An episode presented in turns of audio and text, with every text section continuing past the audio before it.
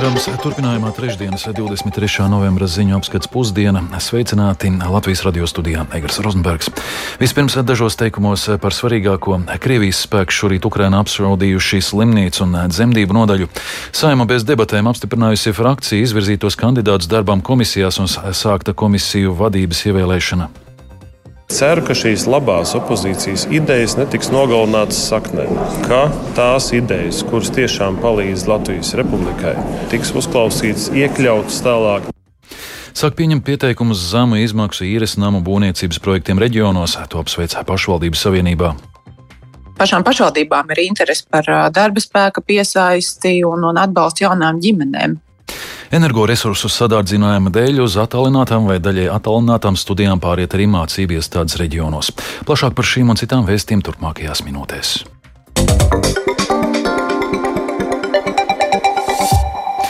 Krievijas spēki savus triecienus Ukrainā arvien biežāk vērš ne tikai pret energosistēmas objektiem, bet arī pret medicīnas iestādēm.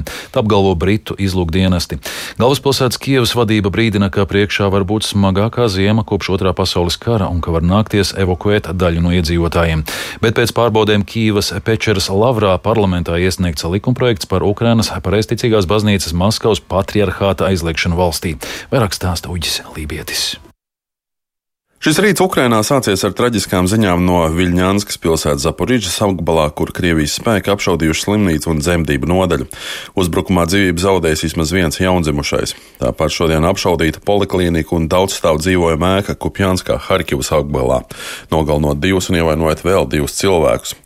Šie uzbrukumi apstiprina arī Britu izlūkdienas apgalvojumus par to, ka Krievijas uzbrukumi pēdējā laikā ir vērsti vairs ne tikai pret energoinfrastruktūru, bet arī pret Ukrainas medicīniskajām publiskajām iestādēm.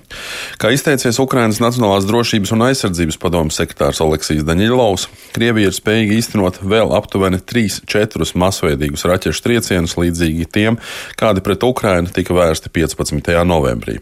Lai arī bezpilota lidaprātu un daudz raķešu veidu krājumu Krievijai izsīkst, piemēram, raķešu S-300, Krievijai joprojām ir ļoti daudz. Runājot par Ukrainas elektroinfrastruktūru, jaunākie valdības aprēķini liecina, ka Ukrainas energosistēmai ir nodarīti gandrīz 2 miljārdu eiro lieli zaudējumi. Šādus datus ir sniedzis premjerministrs Denis Šmihaļs. Norādot, ka pie sistēmas atjaunošanas strādā 70 remonta brigādes, jeb vairāk nekā 1000 cilvēku. Savukārt prezidents Valdemirs Zelenskis ir informējis, ka Ukrainā ir izveidoti jau vairāk nekā 4000 tā dēvēto nesagraujamo punktu, kuru darbība tiks aktivizēta brīdī, kad elektroenerģijas piegādes nebūs ilgāku laiku. Šādos punktos iedzīvotājiem būs pieejama gan elektrība, gan mobīlie sakari, internets, siltums, ūdens un medikamenti. Kā šodien brīdinājis Ukrainas galvaspilsētas Kievas mērs Vitālijas Kličko, galvaspilsētas iedzīvotājiem ir jārēķinās arī ar sliktāko scenāriju, kad zemes temperatūras gadījumā var notikt visaptvaroši elektrības atslēgumi. Intervijā Vācu izdevumam Bild Kličko pieļāvis, ka šī var būt sliktākā ziema kopš otrā pasaules kara.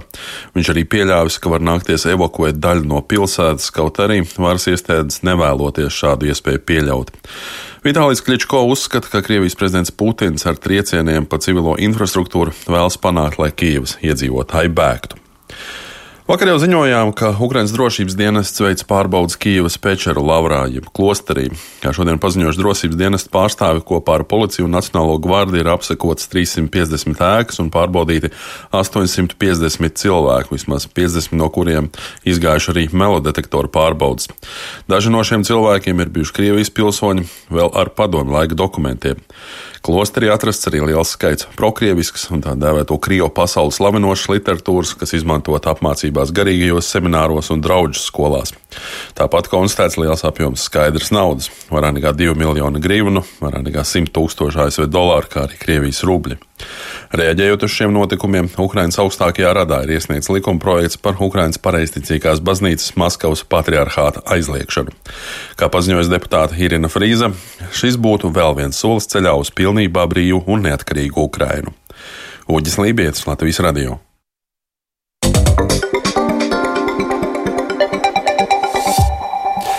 Saima bez debatēm apstiprinājusi frakciju izvirzītos kandidātus darbam komisijās un sākta komisiju vadības ievēlēšana. Tā turpināsies visu šodienu un arī rīt. Līdz šim šīs process bijis gan raids. Vairāk pastāstīs Jānis Kīncis, kurš šorīt pabija Saimas namā un ir pievienojies studijā. Sveiks! Sveiks, Aigars, sveicināt radio klausītāji! Kā norit saimnes komisija ievēlēšana un vai ir jau zināmi to vadītāji? Jā, nu, pagājušajā nedēļā saimnes apstiprinātie pastāvīgo komisiju izveidošanas noteikumi paredz komisijas veidot pēc proporcionalitātes principa, atbilstoši saimnes frakciju apjomam. Saimnes frakcijas pārstāvjus darbam konkrētās komisijās nosauca pirmdien, un deputāti saimnes komisijas sastāvu šorīt akceptēja bez debatēm. Un pēc tam kopš pulksten desmitiem ik pēc pusstundas Saimas sarkanajā zālē tiek sasauktas visu saimas komisiju sēdes, kuras līdz komisijas vadītāja ievēlēšanai vada saimas sekretārs Armāns Krause no Zaļo un Zemnieku savienības. Līdz šim šis process ir bijis raids un balsojumu aizņēmuši vien dažas minūtes, jo uz uh, amatiem bija pa vienam kandidātam. Savukārt, ja uz kādas komisijas vadītāja amata būs vairāk par vienu kandidātu, tad būs jābalso ar vēlēšanu zīmēm, kam vajadzēs vairāk laika. Tik tālu par procedūru. Un līdz šim par ārlietu komisijas vadītāju ir ievēlēts Rihards Kols no Nacionālās apvienības. Viņš šo komisiju vadīja arī 13. saimā. Par saimas budžeta un finanšu nodokļu komisijas vadītāju ievēlēta Anna Čakša no jaunās vienotības. Te gan jāpiebilst, ka viņa šos pienākumus visticamāk uzņemsies nepārāk ilgu laiku, jo kļūstot par ministri topošajā valdībā, viņas vietā saimas deputāta tā saucamo mīksto mandātu iegūs tagadējais finanšu ministrs Jānis Rērs, un visticamāk, ka saimas budžeta komisijas vadību varētu uzticēt tieši viņam. Savukārt Saimas cilvēktiesību un sabiedrisko lietu komisiju vadīs Digis Šmits no apvienotā saraksta, un Saimas valsts pārvaldes un pašvaldību komisiju vadīs Daiga Mieriņa no Zaļo un Zemnieku savienības. Šo komisiju tradicionāli vada Saimas opozīcijas pārstāvis Iepriekšējā sasaukumā tā bija sas, no saskaņas saraksta ievēlētā Inga Goldberga. Jānorāda, ka arī citu komisiju vadības sadalījumā iesa, būs iesaistīta arī saimnes opozīcija. Piemēram, par Eiropas lietu komisijas vadītāju plānots iecelt Andris Prūdu no progresīvajiem. Par opozīcijas iesaistes ievērošanu vaicāja saimnes priekšstādātājiem Edvardam Smiltānam no apvienotā saraksta, un varam paklausīties viņa teikto. Šī ir parlamentāra demokrātija, tāpēc politikai jātop veidotai šeit, Latvijas Republikas saimā. Tas nozīmē arī to, ka arī opozīcijas iespējām ir jābūt.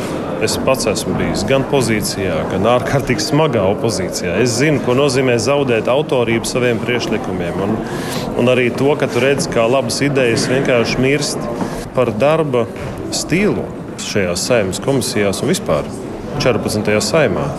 Es ceru, ka šīs labās opozīcijas idejas netiks nogalinātas saknē, ka tās idejas, kuras tiešām palīdz Latvijas republikai un mūsu valsts izaugsmē, ka viņas tomēr tiks uzklausītas, iekļautas tālāk citos komisiju priekšlikumos un izmantotas tādā formā, lai mēs gūtu kā valsts lielāko labumu no šī procesa.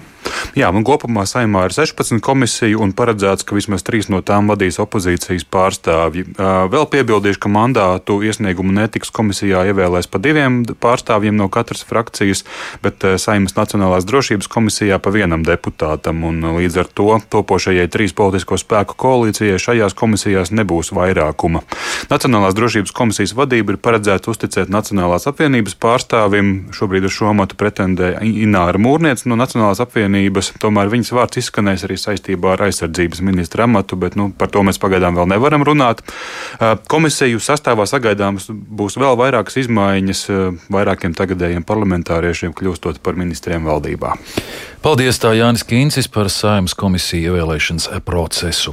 Veselības ministrija vienmēr bijusi pabārna lomā. To šorīt Latvijas radio uzsvēra bijusī veselības ministra Ilze Viņķele no attīstībai par, minot, kāpēc veidojot šo valdību neviens no politiskiem spēkiem nevēlas uzņemties politisko atbildību par šīs nozares tālāko attīstību. Viņķele norādīja, ka tā ir vissmagākā ministrija, jo ministrs tieši atbild par cilvēku veselību un dzīvību, tāpat arī mediķi esot konservatīvi un nebūtu netendēti uz pārmaiņām. Viņķele pauda norāda, ka daudz ko nozarē varētu izdarīt, ja ministrijas vadībā ieliktu politisko smagsvaru, ar ko rēķinātos gan nozare, gan arī koalīcijas partneri smagākā ministrijā, gan emocionāli, gan struktūrāli, jo nevienā citā ministrijā šī atbildība burtiska par cilvēku dzīvībām nav tik tuvu ministram. Un otrs, struktūrāli veselība ir ārkārtīgi sarežģīta, daudzdimensionāla un nopietnā zinātne un nozare. Un, protams, arī tas, ka spēlētāju nozarē mediķi, arotbiedrības ir ļoti jautri jaudīgi, ļoti prasīgi, ļoti konservatīvi un grūti iekustinām izmaiņām. Un, protams, naudas jautājums. Ja mēs lūkojamies, piemēram, uz Lielbritānijas pieredzi, tur veselības ministri ir cilvēki ar uh, lielu svaru politikā un arī savā partijā. Vai tas būtu finanšu ministrs bijušais vai tagad uh, ministrs, kas ir atbildējis par Brexitu. Mums tā nav bijusi tradīcija, atskaitot uh, Gunteru Bērziņu, kas no Tautas partijas bija kā smagsvars apzināti tur virzīts. Minētu arī attīstībai par piemēru. Jā, ja apvienotais saraksts vēlās uh, gan izdarīt darbus, gan uh, pozitīvi, gan uh, arī izdzīvot, viņiem būtu jāsūta, manuprāt, tur Kučinska mēroga cilvēks. Sāksies pieteikšanās zema izmaksu īres namu būvniecības projektiem reģionos. Tā ir valsts atbalsta programma, ar kuru cer risināt mājokļu fonda problēmas, kā arī piesaistīt darba spēku pašvaldībām. Paredzēts, ka tuvāko divu ar pusgadu laikā varētu uzbūvēt jau pirmos 300 dzīvokļus. Attīstības finanšu institūcija Altum norāda, ka par programmu interesējušies jau 15 īpašumu attīstītāji, jo piedāvātais atbalsts ir vilinošs. Plašāk Lindas Spundiņas ierakstā. Jauni īres nami pēdējo desmit gadu laikā Latvijā būvēti vien Rīgā, Pierīgā un lielajās pilsētās. Savukārt reģionos iespēja tikt pie jaunu un energoefektīvu mājokļu ir niecīga. Tāpēc ekonomikas ministrija izstrādājusi atbalsta programmu - 700 jaunu īres dzīvokļu būvniecībai reģionos. Jaunie mājokļi paredzēti mājsaimniecībām, kas nespēja iegādāties dzīvokļus uz tirgus nosacījumiem, bet tajā pašā laikā ģimenes nav tik trūcīgas, jo nekvalificējas maznodrošināto atbalstam, norāda ekonomikas ministra Ilza Indriksone no Nacionālās apvienības programmas mērķis ir parādīt kā pilotu projektu. Iesākumā varbūt tie nebūs daudz, bet eh, ceram arī uz turpinājumu nākamajos gados eh, šo mājokļu fondu paplašinot un nodrošinot, ka daļa no šiem īres ienākumiem atgriežas mājokļu fondā šo programmu noteikti turpināt, jo pēc visiem rādītājiem Eiropā liela daļa iedzīvotāji dzīvo pārapdzīvotos mājokļos, kas nav atbilstoši mūsdienu dzīves kvalitātes prasībām. Un otrs ir, ka mums arī liela daļa no padomu laikos būvētiem mājokļiem ir ēkās, kuras pat nav pamatoti rekonstruēt. Šiem mājokļiem būs gadu gaitā jāatsakās un jāpāriet uz jauniem mājokļiem, tā kā tā aktualitāte nezudīs tuvākajos gados noteikti. Vakar attīstības finanšu institūcija Altum sāka pieņemt pieteikumus no nekustamo īpašumu attīstītājiem valsts atbalsta projektam. Līdz šim par projekta īstenošanu konsultējušies 15 attīstītāji Valmierā, Alūksnē, Liepājā, Ventspilī un Ogrē, atklāja Altum valdes priekšsādātājs Reinis Bērziņš.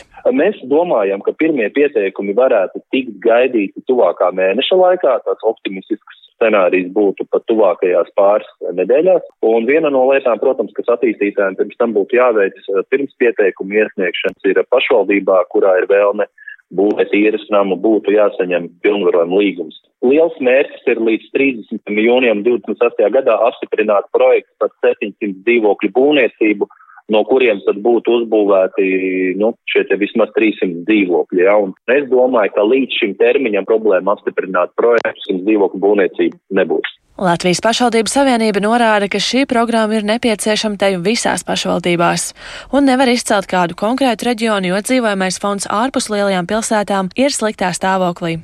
Norāda pašvaldības savienības pārstāve Ella Pētermana. Šādi zemās īres maksas dzīvokļi ir viens no instrumentiem cilvēku resursu piesaistē reģionos, un tas arī vienlaikus veicina darba spēku mobilitāti, un arī pašas pašvaldības var veidot konkrētu rindu pēc nepieciešamiem speciālistiem. Protams, arī tām pašām pašvaldībām ir interese par darba spēka piesaisti un, un atbalstu jaunām ģimenēm. Paredzēts, ka dzīvokļu vidējā platība būtu ap 50 kvadrātmetriem, īres maksa par kvadrātmetru līdz 5 eiro, bet tā katru gadu var tik palielināta atbilstoši inflācijai.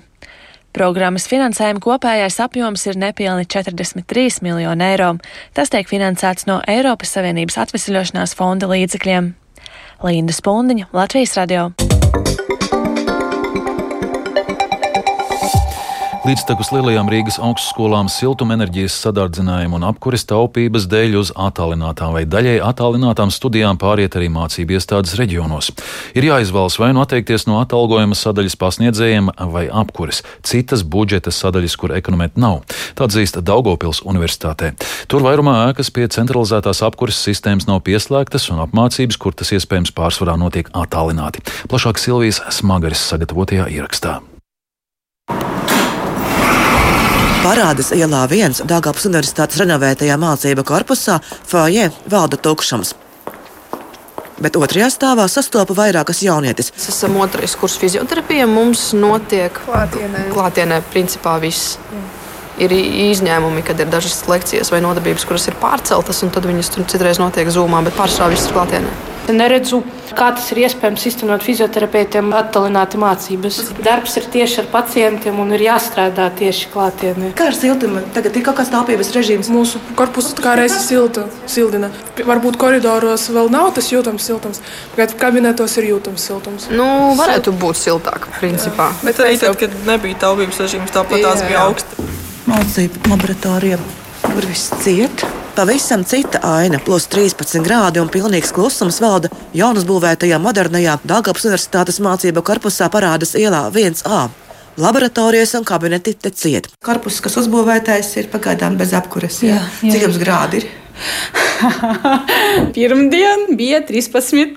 Vienīgā, ko sastopas, ir bioloģijas asistente Aleksandra, kura stāsta, ka mācības te klātienē nenotiek. Tagad attālināti, jo augsti ekonomējam. Jā, daudzās ēkās arī šeit, pašais vienības ielā 13. mūsu apkura nav pieslēgta centralizētā. Jā, mēs sildāmies ar sildītāju, jo mūsu gadījumā tas pašais ir daudz lētāk kurināt ar elektrību, teiksim tā, nevis ar Daugavpils siltumtīklu. Pirms trim gadiem noslēgtais liegums par elektrību ļauj sildīties kabinetos, bet Daugavpils siltums piedāvātais tarifs 171 eiro par megawatu stundu apmērā un plus vēl PVN nopietni sit pa kabatu. Situāciju analizē Daugavpils Universitātes rektoras vietnieks attīstības jautājumos Jānis Kudiņš. Mēs um, sākām apkuras sezonu no kaut kāda aptuveni 20. oktobra dienas viesnīcā Sporta ielā, un uz to brīdi arī parādās ielā viens vienā stāvā, un tas rēķins bija aptuveni pie 9000 eiro, kas standartā bija par visām mūsu ēkām. Un ziemas laikā, jā, vis, par visām mūsu mācību korpusiem. Jā. Pašais mēs tādu rēķinu saņēmām par vienu ēku un, teiksim, vienu stāvu - 9000 eiro. Ja mēs skatāmies universitātes īpašumus. Tie ir trīs mācību korpusi un uh, divas kopmītnes un sporta komplekss. Jā, tās ir sešas ēkas, tūkstoši kvadrātmetru, kur ir jākurina, un tas apkuras tās summas ir katastrofāli augstas. Mēs nesaņemam kompensācijas šo komponentu, jā, mums ir jāmaksā pilnā atmaksa par megawatu stundu. Šī situācija ir likusi augstskolai lielākoties pāriet uz apmācībām attālināti. Cits jau nekas neatliek. Jā, jautājums ir viens, ja mēs kurināsim šīs ēkas, nu, tad visdrīzākais mums ir jāatsakās no atalgojuma sadaļas. Attālināt.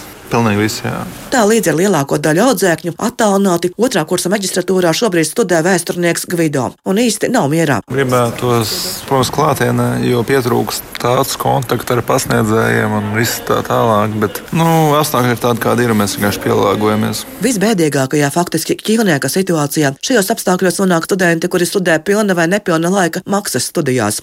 Tāpēc šobrīd portālā Mana balss LV uzsākta parakstu vākšanas iniciatīva. Tālmācības gadījumā saņemt mācību maksas samazinājumu vēlams 50% apmērā un samazināt vai kompensēt studentiem izmaksas par kopmītnēm. Šīs nedēļas sākumā par šo iniciatīvu bija parakstījušies nepilni 2000 iedzīvotāji. Nepieciešami vēl vismaz 8000 parakstu, lai tā tiktu iesniegta izskatīšanai Latvijas Republikas saimā. Silvijas Magra, Latvijas radio studijā Latgalē. Domājot par taupību ziemas laikā Vidzemes augstskolā jau šī mācība mācību gada sākumā pārplānota augstskolas ēku izmantošana, un tagad nodarbības no diviem tās korpusiem pamatā notiek vienā. Līdz ar to ir iespēja iekonomēt apkures ziņā. Augstskolā ieviest arī citi taupības pasākumi. Plašāk vidzemes korespondentes Guntes Matisonas ierakstā.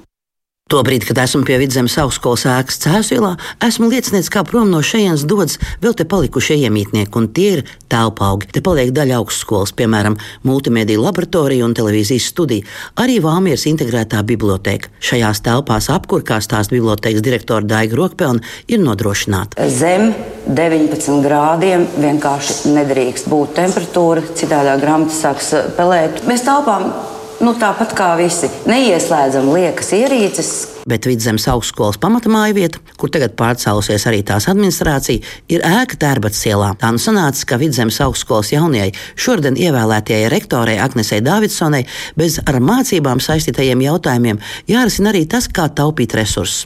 Un viens no soļiem tad bija studiju procesu lielākoties koncentrēt vienā ēkā. Esam atbrīvojuši vienu spārnu šobrīd, tad viena, viena daļa ēkas netiek izmantota, tur to mēs arī minimāli apkurinam.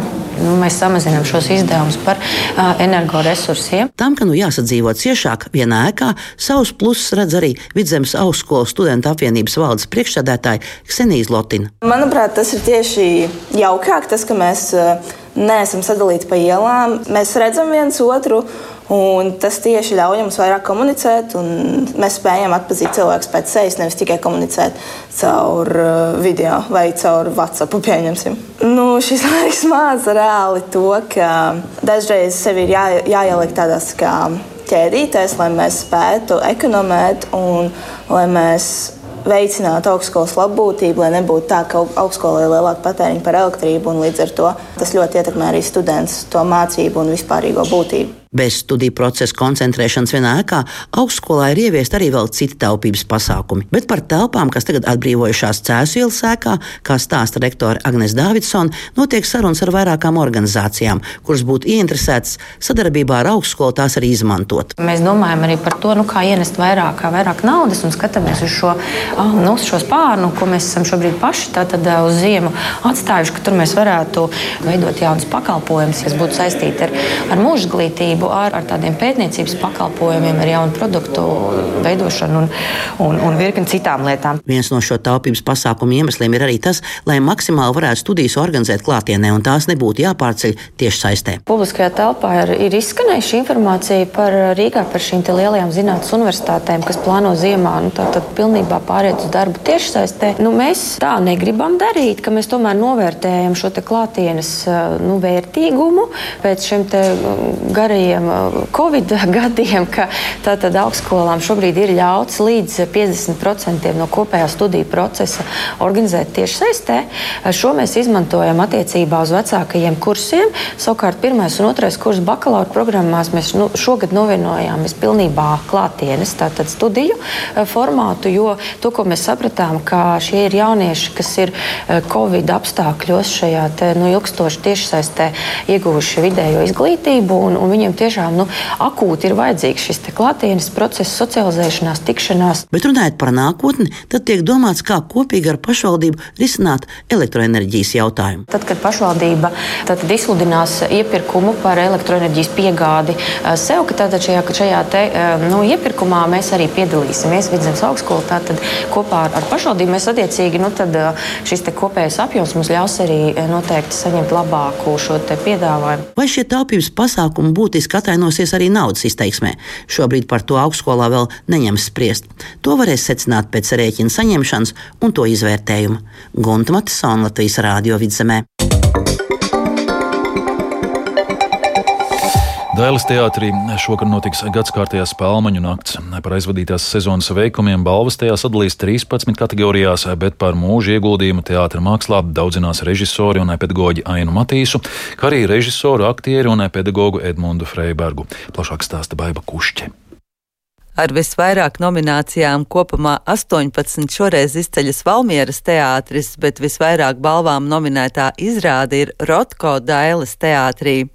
Žūrijas vērtējumā aizvadītajā sezonā netrūka interesantu veikumu, taču maz bija ļoti spilgtu un inovatīvu virsotņu. Vairāk dominēja intīmās saskarsmes teātris, tāpēc vissīvākā konkurence bija izraugoties izrādes kategorijai gada mazās formas izrāde. Laureāts uzzināja uzzināsim šovakar ceremonijā Dailas teātrī, ko veido radošā komanda Lauras Grozas vadībā. Muzikālajai partitūrai izraudzīta šī gada jubilāra Zigmara Liepiņa mūzika. Dzirdējāt 23. novembra ziņu apskatu pusdiena. Programmas producents Viktors Pupiks par skanējumu rūpējās Toms Šupēko un Kaspars Groskops studijā Egers Rozenbergs vēlreiz par svarīgāko. Krievijas spēki šorīt Ukrainā apšaudījuši slimnīcu un dzemdību nodaļu. Saima bez debatēm apstiprinājusi frakciju izvirzītos kandidātus darbam komisijās un sākta komisiju vadības. Ievēlēšana sāk pieņemt pieteikumus zemu izmaksu īres namu būvniecības projektiem reģionos. To apsveic pašvaldības savienībā. Energoresursu sadārdzinājumu dēļ dēļ uz attālinātām vai daļai attālinātām studijām pāriet arī mācību iestādes reģionos. Mūsu ziņām var sekot līdzi arī Latvijas Radio 1 Facebook lapā un LSMLV. Raidījuma atkārtojums meklējams raidierakstu platformā kā dienas ziņas un Latvijas radio lietotnē. Mūs var klausīties savā vietā, runī, jebkurā laikā, jebkurā vietā.